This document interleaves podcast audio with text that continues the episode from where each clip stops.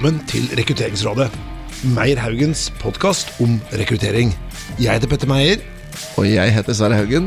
Dette er podkasten hvor vi samler smarte folk for å drøfte hvordan vi kan gjøre rekruttering bedre. Henrik, da er det på tide med en uh, ny prat i Rekrutteringsrådet. Ja, det er det. Og i dag har vi en uh, veldig spesiell gjest som jeg har gledet meg til å se. Og det er Even Hagelin som er bransjedirektør for bemanningsbransjen og rekrutteringsbransjen i NHO Service og Handel. Hjertelig velkommen, Even. Tusen takk for det. Vi, vi sitter jo her eh, igjen på våre hjemmekontorer med en pod, digital podkastinnspilling, men vi, vi, ser deg jo fint, eh, Even, der du sitter. Jeg antar du er hjemme du òg, eller sitter du på kontoret? Nei, Jeg er hjemme og lærer med stadig nye muligheter til å bruke videokonferanser. Nettopp. Du, vi skal ta en liten prat om, eh, om eh, dine og deres perspektiver på rekrutteringsbransjen og, bemanningsbransjen. Ehm, og, og, ikke minst selvfølgelig koronasituasjonen vi er oppi. Men før vi gjør det, så har vi en, sånn der, eh, vi har en vane her at vi prøver å bli litt kjent med de gjestene vi har med, Even. Før vi brekker i gang. Så det vi pleier å spørre om da vi, Nå har jo Henrik sagt at du er bransjedirektør i NHO for NHO Service og Handel for, med ansvar for bemanning og rekruttering. Men eh, hvis jeg hadde møtt deg på en fest, da Det blir jo selvfølgelig etter disse koronatider, og vi faktisk kunne stå og ta en prat. Eh, eh, hva skulle jeg begynt å snakke om for at du virkelig hadde fått vann på mølla? Da kunne du f.eks. snakke om Bergen. ikke sant? For jeg har jo da bodd i, i, Oslo i 23 år, men jeg er jo bergenser så god som noen. Og, og, og da vet du at bergensere vi snakker i vei, og vi er stolt av hvor vi kommer fra. og så må jeg jo si da, til, til alle lyttere der som bare hører, det er ganske interessant når vi stiller disse spørsmålene om passion eller hva man er engasjert i. For jeg, vi kan jo formelig se at han sitter og hopper i stolen omtrent når han snakker om Bergen. Men, men er det faktisk er det tilfelle at det er syv fjell rundt Bergen, eller er dette Hvorfor heter det da Hva er disse syv fjellene det er snakk om? Jo da, nei, det, er, det, er, syv fjell. og Nå må du ikke be meg om å lekse opp alle de syv fjellene, for det er litt sånn knatt her. Men, eh, men, ja, det er syv fjell. Og det er til og med en sånn syvfjellstur man kan gå. og Da er man oppe på alle toppene. Eh, Fløyen og Ulriken og Rundemannen osv. Og eh, Det er jo noe av det som er så fantastisk med Bergen, at du kommer opp og du får sett, du får utsyn, og du får, eh, du får den der naturopplevelsen veldig kort vekk eh, fra, eh, fra bykjernen. Ja. Men nå har du altså endt opp eh, i Oslo? Ja. ja. Du, veldig, kan ikke du si litt sånn nå, vi, som en start, da, kan ikke du si litt med dine egne ord, da. Hva, hva, er jobben din? Hva er det du skal få til i jobben din? Ja, eh, Som bransjedirektør i bemannings- og rekrutteringsbransjen, så er jeg ansvarlig for å lede eh, bransjeforeningen. Eh, og Det har jeg da gjort i, i, i 13 år eh, i NO Service og Handel. Eh, det er en ganske politisk jobb. Det går ut på å representere bransjen eh, politisk. Men det går også ut på å være med på å, å bygge bransjen og eh, finne de eh, viktige sakene som bransjen kan jobbe med for å bli eh, best mulig. Eh, så det, det, blir jo en sånn passion for, eh, for, bemanning og rekruttering. Stolthet av å være de som skaper folk jobber, skaper muligheter. og, og det, det å i det hele tatt samarbeide med, med de enkelte. Så, så, er det også sånn at når man jobber i en sånn type organisasjon, eh, i en bransje som ikke bare er nasjonal, men også er internasjonal, så, så eh, representerer jo da også denne bransjen på et internasjonalt nivå. Eh, og Det betyr jo at man får møte eh, eh, kollegaer og, og si, bransjen i en del andre land. Eh, vi har mye å lære fra andre òg. Vi skal ikke tro at alt vi gjør her på berget alltid bare er det eneste rette. Så, så, da prøver jeg å ta med meg tilbake en del uh, innspill og uh, erfaringer som vi kan bruke på å bygge vår bransje videre. Ja. Eh, jeg må jo bare spørre før vi slipper liksom litt personlig helt, helt du, var, du, studerte jo da juss en gang. Var det sånn at du satt og studerte juss og tenkte ja, det er jo egentlig rekruttering og banning jeg har lyst til å jobbe med? Eller er det tilfeldigheter, eller? Nei, altså, jeg studerte juss, og så fant jeg ut at det var veldig gøy å jobbe i organisasjonslivet. Ja. Eh, og det, det, er det, jo, det er det som finner ut, og da er det jo noen som tenker at, uh, at herregud, uh, nå har jeg brukt for mye tid på sånne studentorganisasjoner, og uh, plutselig så, så har man strøket på eksamen. Jeg opplevde det på en litt annen måte. Jeg brukte mye tid på studentorganisasjoner og syntes det var spennende. og så gjorde tilfeldigheten litt at da jeg skulle ut og, og, og få jobb, så fikk jeg jobb i en organisasjon. Men det er noe helt annet enn det som jeg jobber i nå. Jeg jobbet ti år i Landsforeningen for hjerte- og lungesyke.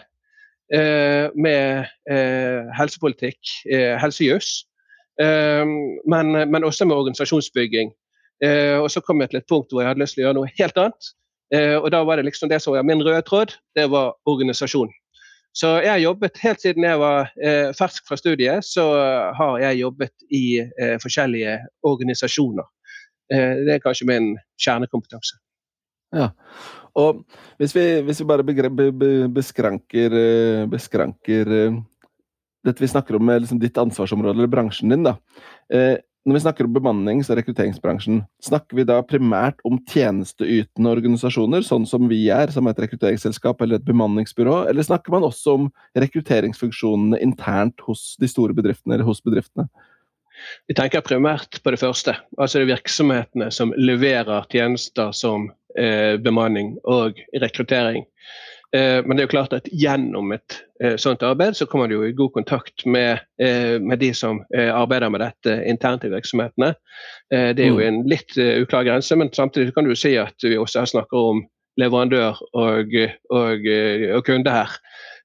For, for, de som driver med rekruttering og, og dette, dette feltet, HR-feltet innenfor virksomhetene, ved siden av at de driver med mye av det samme som bransjen driver med, så er det jo ofte også de som kjøper de tjenestene fra, eh, fra denne bransjen. Og nå er vi jo i en litt spesiell situasjon eh, for oss alle, for hele verden egentlig. Eh, jeg regner med at det også treffer, treffer ditt virke og ditt, eh, ditt, fagfelt? Ja, det er en ganske surrealistisk situasjon å, å komme i. og Eh, det var vel ikke så veldig mange som hadde sett for seg eh, eh, den virkeligheten som, som, vi er i i dag. Og, og hvordan på en måte rullegardinen gikk ned i midten av, av, av mars. Og, og, folk midt på dagen får beskjed om at nå må vi gå hjem fra jobb.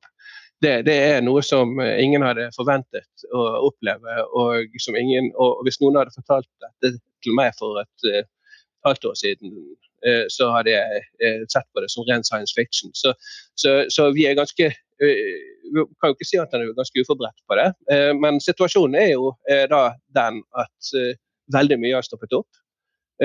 Og, og det har stoppet veldig raskt opp. Og vi, vi må tenke nytt. Nå, nå, er det sånn at, at i, i, denne bemannings- og rekrutteringsbransjen så, så, så, har man jo forskjellige segmenter. Og, og, i Norge, i motsetning til en del andre land, så er det jo ikke absolutt alt som har stoppet opp. Og takk og pris for det. Eh, det er fremdeles noe som skjer i Norge. Eh, det er ikke sånn som i Spania, hvor du ikke får lov til å gå ut og lufte hund engang. Eh, og, og det betyr jo at, at, vi, at det er en viss aktivitet.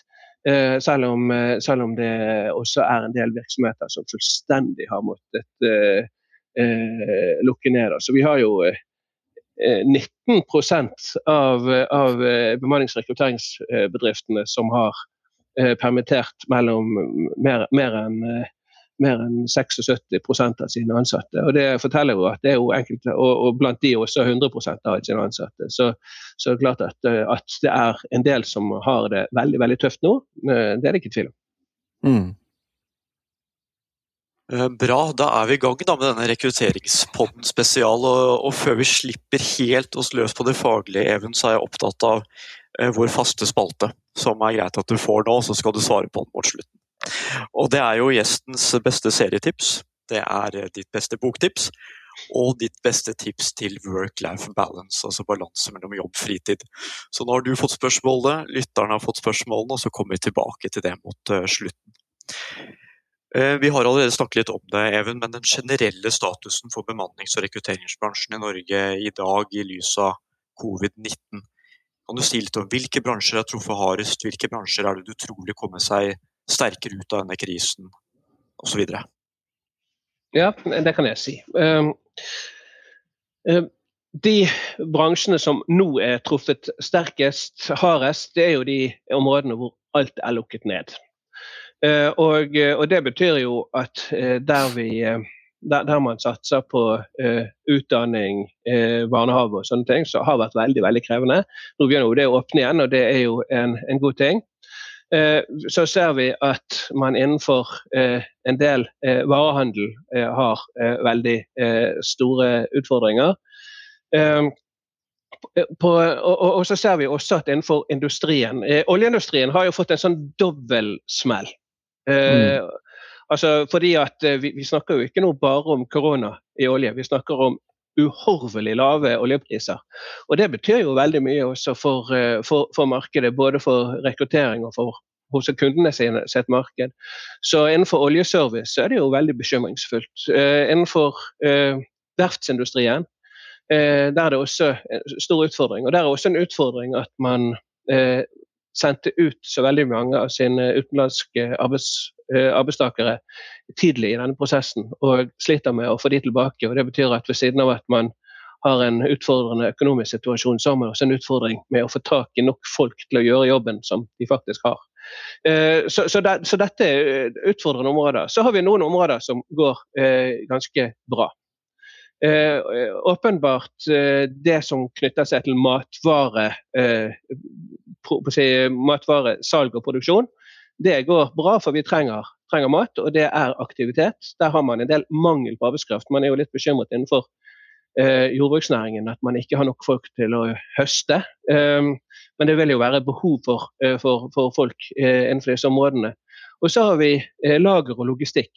For aldri har vel folk handlet mer på nettet enn i dag. For, eh, så, så, man har på en måte en motside, motside mot at uh, man har sluttet å gå i butikken. Uh, man har sluttet å handle i, i, de butikkene man har pleid å gå inn og prøve klær og sånne ting i. Og så har man istedenfor gått på nettet. Og når man går på nettet, så betyr det jo at man setter i gang en del andre funksjoner. Og de har nok ikke vært dimensjonert på samme måte som det man har behov for nå. Um, vi har disse som kjører ut uh, matvarer. Jeg hørte jo kolonial.no, de måtte ansette 200 nye mennesker nå i denne situasjonen. nå. Um, så, så, så, så, vi ser helt klart at det er noen områder, transport, uh, det er noen områder hvor man, hvor man har behov for folk. Og innenfor helse har man jo åpenbart også behov for folk, men det er veldig todelt. for der der har man selvfølgelig veldig stort behov for folk knyttet opp mot eh, koronasituasjonen. Eh, men, eh, men, på veldig mange andre områder så har man jo lagt litt ting eh, på vent. Nettopp fordi at man er usikker og man skal eh, skape den eh, kapasiteten som man har der. Og Det betyr jo at, at mye av det som knytter seg til andre helsetjenester, er stoppet litt opp. Og for, eh, for, bemanningsbedriftene som leverer personell til, til helsevesenet, typisk for å, for å, avhjelpe sommerferien, der er det en utfordring nå. Eh, mm. Det har gått kraftig ned i bestillinger. Og Jeg tror ikke det er fordi at folk ikke har tenkt å ta ferie i sommer, men jeg tror det er enkelt og greit det er fordi at man er blitt litt paralysert. Man har blitt veldig fokusert på dagens situasjon, og så har man ikke fått brukt så mye energi på det som skjer fremover. Og Det man lett glemmer, da, eh, og det gjelder nok der og det gjelder nok på en del andre felt, det man glemmer i en sånn kritisk situasjon som vi er nå, Eh, det er at pers mennesker, personell, det er ingen hyllevare. Mennesker eh, er Rekruttering av personell er ikke noe du bare kan komme en ene dagen og si at jeg trenger så og så mange personer i morgen. Dette må planlegges. Man må, man må planlegge i litt tid. For Hvis ikke man gjør det, så får man ikke tilgang til folkene. Og, og Det er jo noe av det vi bekymrer oss litt for i helsevesenet i, i sommer.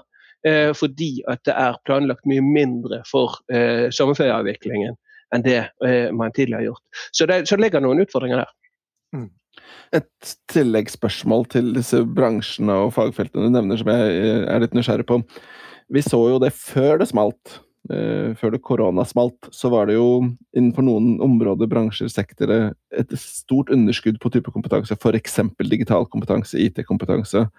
Og Så skulle man jo anta da, at med det du sier om en økt digitaliseringstakt og en større si, netthandel etc., at det behovet for digitale profiler eh, fremdeles altså Om ikke, ikke blir ikke noe mindre, da, skulle man tenkt. Hva, har du sett noe der? Ja, altså, det, det, er klart det er jo behov. Eh, behov for det. Eh, det som er litt utfordrende akkurat innenfor de områdene der nå, det er jo at dette er typiske hjemmearbeiderområder. Altså akkurat nå eh, så har jo veldig mange flyttet hjem. og det vi, det vi ser er at, og, da, må vi skille, da må vi nok skille litt mellom fast rekruttering og det å hente inn personer i en mer eh, prosjektbasert eh, på, en mer prosjektbasert måte.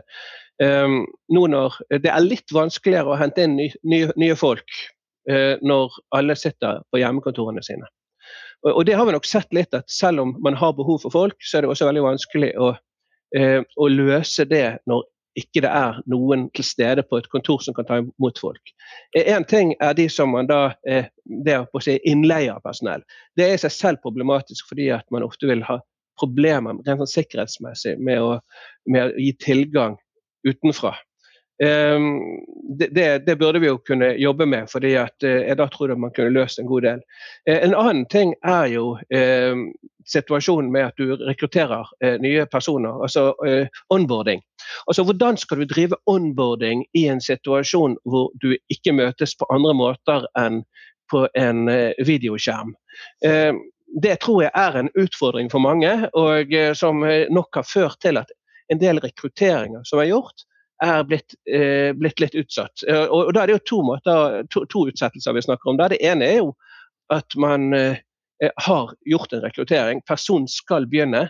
og så, så blir man enige om at man utsetter eh, start fordi at man ser at det er helt umulig for oss å ta imot det. Vi kan, får ikke kjørt kurs, vi får ikke lært det opp på systemene våre. Vi får ikke sagt hallo til deg.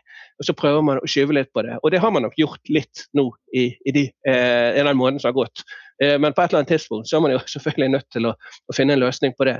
Men den andre er jo at man blir litt paralysert. Eh, man hadde tenkt å rekruttere noen nå, men eh, no, vi får jo ikke snakket sammen i ledergruppen. Vi får, vi, den, vi får, jo ikke Hvordan skal vi eh, rekruttere noen når ikke vi ikke har noe kontor å gå på? Så, så, jeg tror nok at kanskje det er de tingene som, eh, som er mest begrensende for, for, for, IT. For jeg er jo helt enig med deg at hvis det er et tidspunkt hvor du får et oppsving eh, innenfor behov for IT-kompetanse, så, så, må det jo være eh, når du er helt nødt til å bruke IT-systemene for å holde kontakt med hverandre. Ja, og, og, nå er vi inne på et, eh, et veldig spennende tema Even, som jeg vet både Sverre og jeg brenner for. og Jeg ser Sverre hoppe litt i stolen på den digitale podkastinnspillingen her. Og Et spørsmål er jo som vi ofte får i vårt uh, selskap, er det mulig å kjøre en rekruttering ATO heldigital? Er det mulig å kjøre en onboarding heldigital? Så jeg lar det spørsmålet henge litt i luften. Er det mulig, Even? Ja, det er nok mulig, men vi skal ikke eh, undervurdere eh, verdien av menneskelig kontakt i rekrutteringsbransjen. Det er noe, eh, og det må vi jo Det er klart at I en krisesituasjon så må man jo finne løsninger, men jeg tror nok ikke det er en optimal løsning at man ikke møtes. like lite som det er en optimal løsning å kjøre rekrutteringer ved hjelp av IA. Ja. Eh? Altså, det, det, er mange måter ja? Det, det, finnes mange forskjellige eh, måter å gjøre ting på. og Det er helt sikkert uh, mulig at man kan få mye utbytte av deler av det, men jeg tror at det å møtes uh, og, og, og, se folk på en litt annen måte enn bare gjennom en skjerm, det er nok en, en fordel. Uh, men akkurat nå, akkurat nå så er det vel den måten man, man må mm. gjøre det. Jeg tror, nok, jeg tror, nok, egentlig at min observasjon er bare på den lille tiden som har gått nå, at det har utviklet seg en større modenhet bare på kort tid. Eh, på noen uker bare så tror jeg nok flere er åpne for at eh, det faktisk er mulig å rekruttere noen uten å lukte på dem. Mens, eh, mens før, for to måneder siden, så var det egentlig helt utelukket. Men jeg har lyst til å spørre om en, litt mer om situasjonen som du ser det. Du nevnte at 19% har, har permittert av bemanningsrekrutteringsbyråer har permittert 60-70% eller mer. Um, Hvor, altså, hvor stor er denne bransjen i Norge, hvis vi tar noe nasjonalt først? Ja, altså Bemanningsbransjen i Norge omsetter for, uh, for rundt 20 milliarder uh, kroner. Uh, og hvert år så er det rundt 80 000 mennesker som får, får, jobb gjennom denne bransjen. Enten en, en ordinær fastjobb eller at man får et oppdrag i en periode. og det betyr jo at du sa 20 milliarder i stad? Ja. ja. Riktig. Og det, Er det da rekruttering og bemanning, eller er det kun bemanning?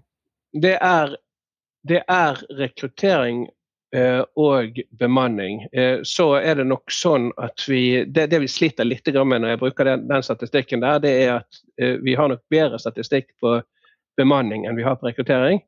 Og det har noen ting med at, vi, at ikke, det, denne rapporteringen eh, fra rekrutteringsselskapene er noe, eh, noe eh, mindre tilgjengelig enn enn fra bemanningsselskapene. Så, så, det er mulig at det ligger så jeg, jeg har prøvd å, altså jeg legger til grunn at det ligger rundt 20 milliarder der. Det kan godt være det ligger noe over, mm. men vi snakker om det skiltet. Mm. Og dette er jo en, altså Hvis vi ser på bemanningsbransjen, hvor vi har best statistikk, uh, så er det i overkant av 1 av alle årsverkene i Norge som ytes gjennom den. Uh, og Det betyr at det ligger mellom 20 000 og 30 000 personer hver dag som er ute og eh, er i jobb gjennom bemanningsbransjen. Når det gjelder rekrutteringsbransjen, så har vi ikke eh, like gode tall. Um, og det, det, har noe med at organisasjonsgraden i rekrutterings, rene rekrutteringsbransjen, altså de som ikke driver noe med uh, utleie av personell, den er, den er, ganske mye lavere. Samtidig så er det jo sånn at de aller fleste av de som driver utleiepersonell, også driver fast rekruttering. Um, mm. så, og, og, det er gjennom, gjennom, de som er organiserte, man lettest kan få tilgang på, på, på, på tall. Hvordan tror, du, hvordan tror du denne bransjen kommer til å se ut etterpå? Kommer vi til å se mye konkurser? Kommer vi til å se frafall av selskaper innenfor bransjen? Ja, det, det jeg er jo bekymret for det. At vi kommer til å, at vi kommer til å være en litt annen bransje vi vil se når vi kommer ut av dette her. Det vil helt sikkert uh, se, skje konkurser. Nå har, jo, eh, nå har, jo, eh, myndighetene satt i gang ganske solide hjelpetiltak som skal bidra til at man kan klare å komme seg gjennom den verste krisen. Nå avhenger jo veldig mye av hvor lenge denne krisen kommer til å, å, å vare. Men at det kommer til å skje konkurser, at det kommer til å skje strukturelle endringer som følge av det man har hatt gjennom nå, Eh, det er jeg egentlig ikke i tvil om. Eh, jeg ser nå at eh, vi hadde et spørsmål ute på den siste helt ferske surveyen rundt dette med om man så en risiko for konkurs. Og, og da sa 37 av våre medlemmer innenfor dette segmentet at det fryktet de. Det, og det betyr jo at det er alvor der ute.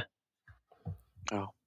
Uh, hvis vi ser på, vi ser på uh, omsetningsutviklingen uh, vi, vi, kjører nå surveys hver uke for å følge hele næringslivet. og Da, jo, da har vi også bemannings- og rekrutteringsbransjen inne. Og, og, da ser vi at det er 4 som faktisk opplever økt omsetning. og for de, jo, de har jo åpenbart de segmentene som, som, er, er, som fungerer. Eh, så, så har vi 11 eh, som er på nivå med eh, fjoråret. Fremdeles virksomheter som er på områder hvor det er en, en, aktivitet på tross av, av den koronasituasjonen. Så er det 27% som eh, har en opptil 25% lavere omsetning. Det er 28 som har mellom 26 og 50% lavere. Og det er 30 av virksomhetene som har mer enn halvert eh, aktiviteten sin eh, i løpet av disse månedene. Så Det betyr at 85% av bedriftene har eh, en dårlig, en lavere en nedgang i denne fasen. Mm. Ja, Even, da har vi snakket litt om de lokale forholdene. Og jeg vet jo du jobber en del globalt. Kan du gi oss et lite bilde av hvordan ståa er der ute? Det kan jeg. Det, det, er jo sånn at Vi har jo utfordringer i Norge, men de er nok ikke helt på samme nivå som det uh, veldig uh, mange andre har i resten av verden. Der, der, en, en, ting har jo med at Norge har hatt en bedre økonomisk utvikling enn andre. Så, så dette med arbeidsledighetstall osv., det har jo vi i Norge vært ganske, har vi vært ganske heldige. Vi, had, vi har hatt eh, oljen som har, eh, eh, har vært en eh, god ting for, for oss. Um, vi hadde jo selvfølgelig nedgangen i, for noen år siden i oljebransjen, men det, jo, det har jo vært på vei opp igjen her. I, I, mange andre land så har man jo hatt en nedgangskonjunktur over noe lengre tid, eh, og så kommer dette på toppen. Um, og, og det, det, gjør jo at, at uh, utfordringene er på et litt annet nivå. Eh, når, når vi da oppå det hele ser at eh, man eh, snakker om ekte lockdown, ikke bare sånn som i Norge hvor, hvor man har, sitter hjemme og jobber og får lov til å gå på tur i skogen og all verden, så, så, har man altså lockdown på en måte som gjør at man ikke får lov til å gå ut i det hele tatt, eller eh, bare får lov til å gå ut en liten kort stund hver dag det gjør jo at det er veldig mange andre yrker som må stenge ned enn det eh, vi har i Norge. Altså, jo, altså, I Norge er det jo selvfølgelig sånn som frisører og sånn har måttet stenge ned, mens i disse landene så har jo også bygningsprosjekter måttet stenge ned fordi at man får ikke lov til å være ute. enkelt og greit. Um, og, og det, det, betyr jo at du får en ekstrem nedgang. og I, i, i Frankrike, hvor jeg, var, hvor jeg, var, i kontakt med for ikke så lenge siden, der, der sier de at det stort sett har stoppet opp det meste. Uh, man snakket om helt tidlig i fasen så falt 75 aktiviteten innenfor bemannings- og rekrutteringsbransjen. Eh, som gir en ganske god indikasjon på, eh, på, på eh, hvordan hele samfunnet lukket. Um, og, og der, er jo, der er det jo noe sånn at du får lov til å gå ut én time om dagen. Da må du ha med deg en sånn passerseddel som forteller hvor du skal, og så blir du stoppet av politiet og, og blir spurt om dette. og Hvis du da er ute og ikke har en klar plan for hva du skal, da må du gå hjem. Um, du får lov til å lufte hunden. Uh, I Spania så får man ikke lufte, lufte hunden engang. Uh, jeg snakket med min kollega i, i Brussel nå i, i, i går. Uh, han bor i en ganske liten leilighet uh, i sentrum av Brussel uten uh, altan. Der eh, sitter han stort sett hele dagen. Eh, du får ikke altså gått ut, altså Normalt sett hadde folk sittet på barene i Brussel og drukket belgisk øl eh, på denne tiden. her. Det er godt og varmt ute. Nå sitter man inne. Og, det, og det, det, er bare sånn det er. Og da, når man gjør, lever på den måten, så stopper ting opp. Ja. Det er klart Så mange som mulig prøver å jobbe hjemmefra, men du får ikke et helt samfunn til å fungere hvis alle sitter hjemme. Skremmende. Det er, eh, det er eh, virkelig en eh, merkelig og, og, krevende situasjon vi er i, og, og, åpenbart enda mer krevende kanskje andre steder enn her. Så det setter jo ting i perspektiv. Eh, hvis vi nå vi skal begynne å etter hvert gå inn for landing her, men eh, jeg har lyst til å spørre deg før vi går over på den faste spalten din, Henrik, så vil jeg spørre om hva hvis du nå på vegne av NHO, NHO Servicehandel kan komme med en, et, en anmodning da, til bransjen, hva skulle det vært? Det eh, skulle for det første vært at eh, nå må eh, vi gjøre alt vi kan for at vi klarer å overleve gjennom den situasjonen vi er i nå. Eh, omstille seg i den forhåpentligvis korte situasjonen vi er i nå. Eh, så er det kanskje en vel så stor anmodning til de som kjøper tjenester fra bransjen, at de ikke slutter å planlegge. Eh, for det som er en utfordring i en sånn situasjon som vi er nå, det er at man blir litt paralysert, og at man slutter å planlegge for ansettelser, man slutter å planlegge for bemanninger hvis man gjør det, så får man en lengre krise enn man eh, trenger å ha. Eh, fordi at dette her kommer til å eh, gå over. Og da er det viktig at man er skodd for fremtiden, at man er skodd for gjenoppbyggingen. Eh, og for at man skal kunne klare å være skodd for gjenoppbyggingen, så må man eh, planlegge. Eh, man må planlegge i dag. Trenger man nye å ansette personell, så, så, er det ikke noe vits å utsette planleggingen. Så forstår jeg selvfølgelig veldig godt at vi er i en krevende situasjon. Og målet må jo være at vi kommer ut av denne situasjonen så fort som overhodet mulig. Og at man benytter seg av de tiltakene som, som er satt i gang. Nå er det sånn at De som er medlemmer i, i NHO, de har tilgang på ganske mye rådgivning rundt eh, det, eh, de tilbudene som finnes. Og våre advokater eh, jobber kontinuerlig for å bistå medlemmene for at de skal kunne få best mulig tilbud for at man skal kunne komme gjennom dette. Veldig, veldig godt å vite. Og det er jo definitivt noe som man kan, være, kan ha bruk for da, i disse tider, gitt disse tallene du har, du har delt med oss også. Da, Henrik, tenker jeg du skal få lov til å slippe til. Da, da er det tid for Henriks tre kjappe, som eh, vi nå velger å kalle det fra i dag, tenker jeg. Og Det har vært en veldig hyggelig prat, eh, Even. og som jeg lovte innledningsvis, så har jeg jo tre spørsmål til deg. Vi begynner med det første. Ditt beste serietips, hvis ikke du er en seriemann, så kanskje film? Ja, da, da tenkte, da, nå jeg, fikk jeg et spørsmål vi, eh, rett før vi satte i gang dette, dette opptaket. Og, eh, og da, da, har jeg tenkt meg frem til eh, A Plot Against America. Eh, som er en ganske ny serie som, eh, som eh, er som, som, nå kommer én og én fra utover i, uke, i, i ukene. veldig spennende serie som, som, handler om Amerika på 40-tallet. og en Eh, en tenkt eh, fiksjon at ikke det var Roosevelt som vant valget, men istedenfor Lindberg. Ja. Lindberg. Og Lindberg han har veldig mye til felles med Donald Trump. og er veldig isolanistisk, veldig opptatt av Amerika og ikke andre. Eh, og, eh, og, eh, og, og, hvordan da eh, annen verdenskrig ville arte seg i en situasjon hvor USA eh, var på den måten. Så det er det spennende. Hadde ikke han et slogan som var 'America first'? Jo, så på den måten så kan du si at den er ganske, den er ganske treffende, den serien. Ja. Hvis du ser den i, et, i, et, i dagens perspektiv. Ja, det var et godt tips, syns jeg. Spennende. Jeg, jeg fikk, lyst til, fikk lyst til å se det. Ja, hvor er det du finner den, Even? Er det Netflix eller HBO? Ja, det var det jeg plutselig ble litt usikker på. Jeg tror, ja, ja, det, det, det, det, er en av de. Eh, jeg tror, jeg tror det er HBO. Eh, ja, nå ble jeg litt usikker på om det er Netflix eller HBO, men eh, det er en av de. Det kan vi google oss frem til. Bra, takk for tipset. Og boktips, da? Ja, da, da leser jeg akkurat en spennende historiebok, egentlig. 'Silkeveiene', kjenner du til den?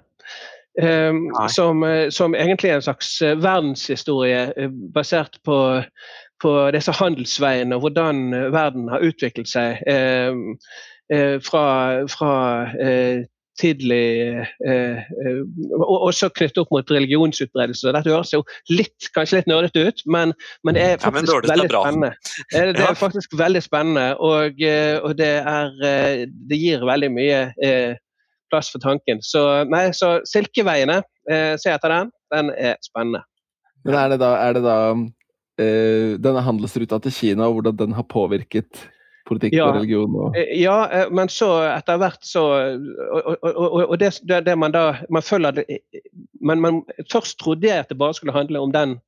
Men etter hvert så ser jeg jo at det handler egentlig om hele verdenshandelen. Og det som er litt interessant, det er at man ser hvordan, uh, hvordan oppdagelsen av Amerika Hvordan spanjolene, da, da de fant gull i i, i, i Peru, hvordan det innvirket på verdenshandelen. Fordi at eh, en, en, sånn ting som Taj Mahal i, eh, i eh, India, et fantastisk byggverk, det ble bygget fordi at, eh, at herskeren i India ble så rik i handelen med Europa fordi at Europa fant så mye sølv i Sør-Amerika som de kunne bruke til å betale for sine varer fra India.